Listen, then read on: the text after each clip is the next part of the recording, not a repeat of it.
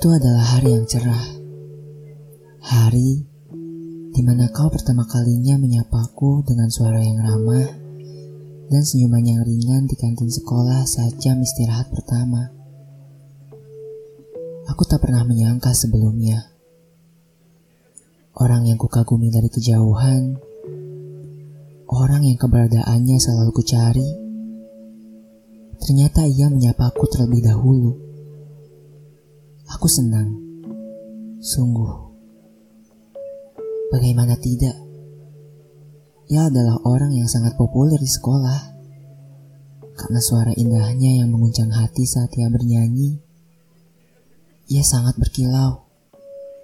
Paling tidak itulah yang kurasakan. Bermula dari saling sapa, kita mulai berbagi kontak dan saling menghubungi satu sama lain. Saling bertukar kabar tentunya.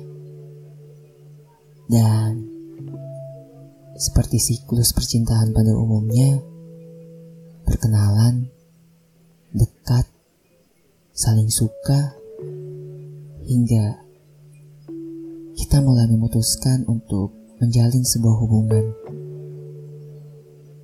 Hari demi hari kembali berganti. Aku mulai mengenal sifatnya yang ternyata mudah bergaul dengan orang lain. Tak masalah bagiku asal ia mengenal batas.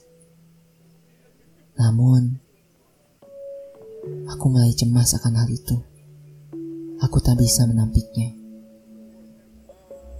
Kecemasanku bertambah saat ponsel satu-satunya yang kumiliki ternyata rusak. Atas ketelogeranku saat kelas praktikum. Sial. Dengan cemas aku mengabarinya melalui komputer di lab komputer dan aku bilang kepadanya untuk sementara bahwa kita tidak bisa bertukar kabar. Tanpa disadari, dari sinilah siklus terakhir untuk hubungan yang gagal terbentuk menuju perpisahan. Pada suatu sore yang entah mengapa suasananya agak mendung dan suram. Aku melihatnya menangis dan tepat di depannya ada seorang pria sedang menenangkannya. Kalau tidak salah, pria itu kakak kelas yang keberadaannya di sekolah ini cukup populer. Dan beberapa hari kemudian baru aku tahu bahwa ternyata kakak kelas itu menyimpan perasaan diam-diam pada orang yang kusayangi. Kembali lagi pada hari itu, sore itu, Aku cemburu dengan keadaan yang aku lihat. Bagaimana tidak? Ia tidak menceritakan apa pun kepadaku saat bertemu. Dan aku rasa aku tidak melakukan sebuah kesalahan. Apalagi kesalahan besar yang sampai harus ia tangisi. Kamu kenapa sebenarnya? Terbesit di pikiranku untuk bertanya dan menemuinya. Namun kuurungkan niatku sembari melangkah menuju lorong meninggalkan sekolah dengan beribu tanya menumpuk di pikiranku. Esoknya, pagi-pagi sekali aku berangkat ke sekolah karena aku ditunjuk sebagai panitia untuk hari perpisahan, hari kelulusan.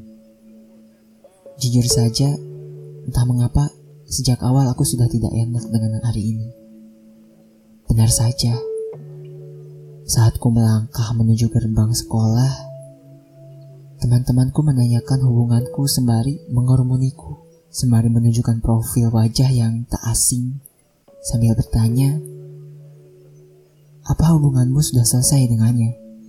Aku tak menemukan namamu di profilnya. Kalau dilihat sekarang mungkin kegiatan mencantumkan nama pasangan di profil media sosial itu menggelikan ya. Namun dulu kurasa hal ini menjadi hal yang rumah. Dan lagi itu, aku tak memaksakannya. Aku tak memaksanya untuk mencantumkan namaku di profilnya. Namun ia sendiri yang mencantumkannya. Kurasa sang waktu sedang mengujiku. Seakan belum cukup dengan merusak pagi, Siangnya aku melihat orang yang memenuhi pikiranku sejak pagi sedang bersuah foto dengan pria itu lagi. Ya, ternyata ini hari kelulusan angkatan pria itu.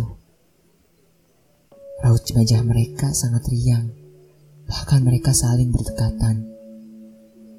Coba kalian bayangkan, semenjak kita menjalani hubungan, kita belum pernah berfoto sejauh ini. Saat melihatnya berdekatan dengan pria itu, aku sangat marah. Kemarahanku memuncak saat kembali kutemui mereka berdua di kantin sekolah selepas acara kelulusan selesai. Apakah selama ini kalian menghabiskan waktu berdua? Di sana, di saat aku sibuk menjadi panitia, sial dalam pikirku.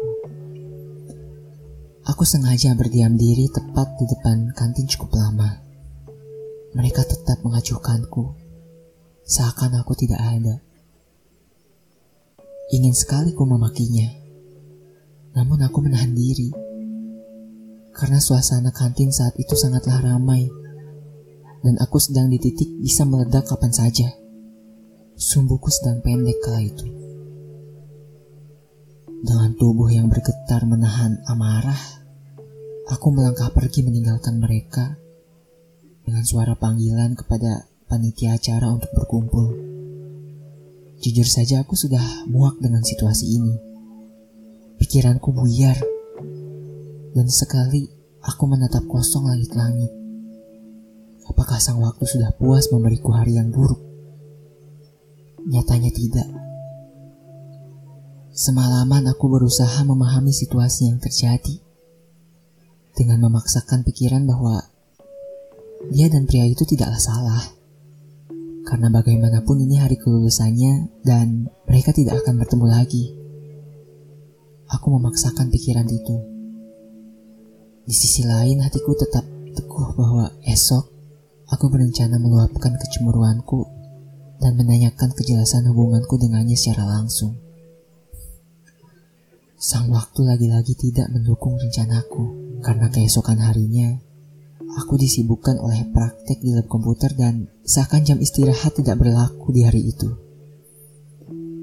Aku pun memutuskan untuk menghubunginya dengan mengirim pesan di sela-sela praktikum. Aku menanyakan siapa pria itu baginya dan bagaimana kejelasan hubungan kita. Tak lama kemudian, dia membalas pesanku dengan jawaban klise, singkat, namun sangat menyakitkan. Inilah pesannya. Maaf. Maaf atas semua tindakanku. Sepertinya hubungan kita cukup sampai di sini.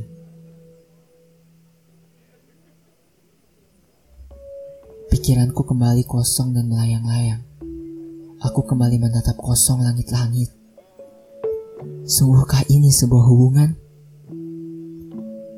Daripada sebuah hubungan spesial yang disebut pacar, aku rasa aku hanya menjadi seorang pria yang menemaninya di saat kesepian dan dilupakan saat sepilang. Aku tak pernah bermain dengannya Bahkan untuk menikmati senja di saat pulang sekolah pun aku selalu ditolak olehnya. Kita tidak pernah bersuah foto seperti dia bersuah foto dengan pria itu. Kita tidak pernah makan di kantin bersama karena ia selalu bilang malu untuk makan bersamaku. Apakah kata malu itu berarti kau malu? Dunia tahu kita memiliki hubungan. Apakah aku tidak layak dan semenyedihkan itu? Berkatmu aku belajar. Kilauan yang terlihat dari kejauhan belum tentu elok saat didekati.